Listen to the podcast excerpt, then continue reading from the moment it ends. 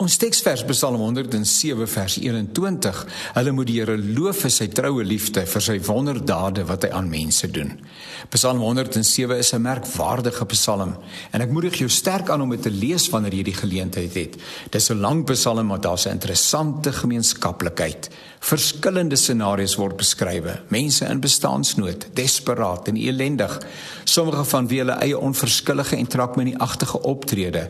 Hulle was uit huis uit rebels en opstandig teen God en het sy raad en leiding in die wind geslaan.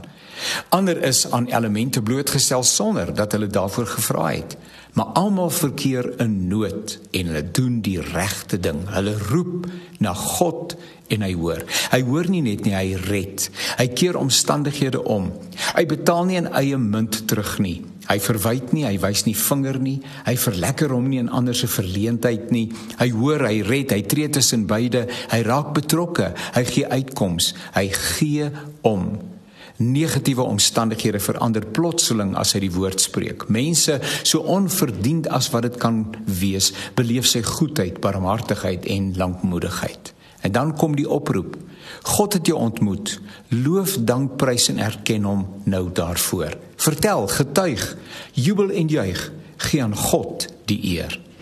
Dit mag wees dat jou omstandighede vandag minder ideaal is. Dit mag selfs van jou van wie jou eie onverskilligheid wees, maar bring dit alles na die Here toe. Roep, roep hard, roep aanhoudend, roep gelowig en met verwagting, want niemand wat sy vertroue in die Here stel, word teleurgestel nie. Loof sy naam. Halleluja.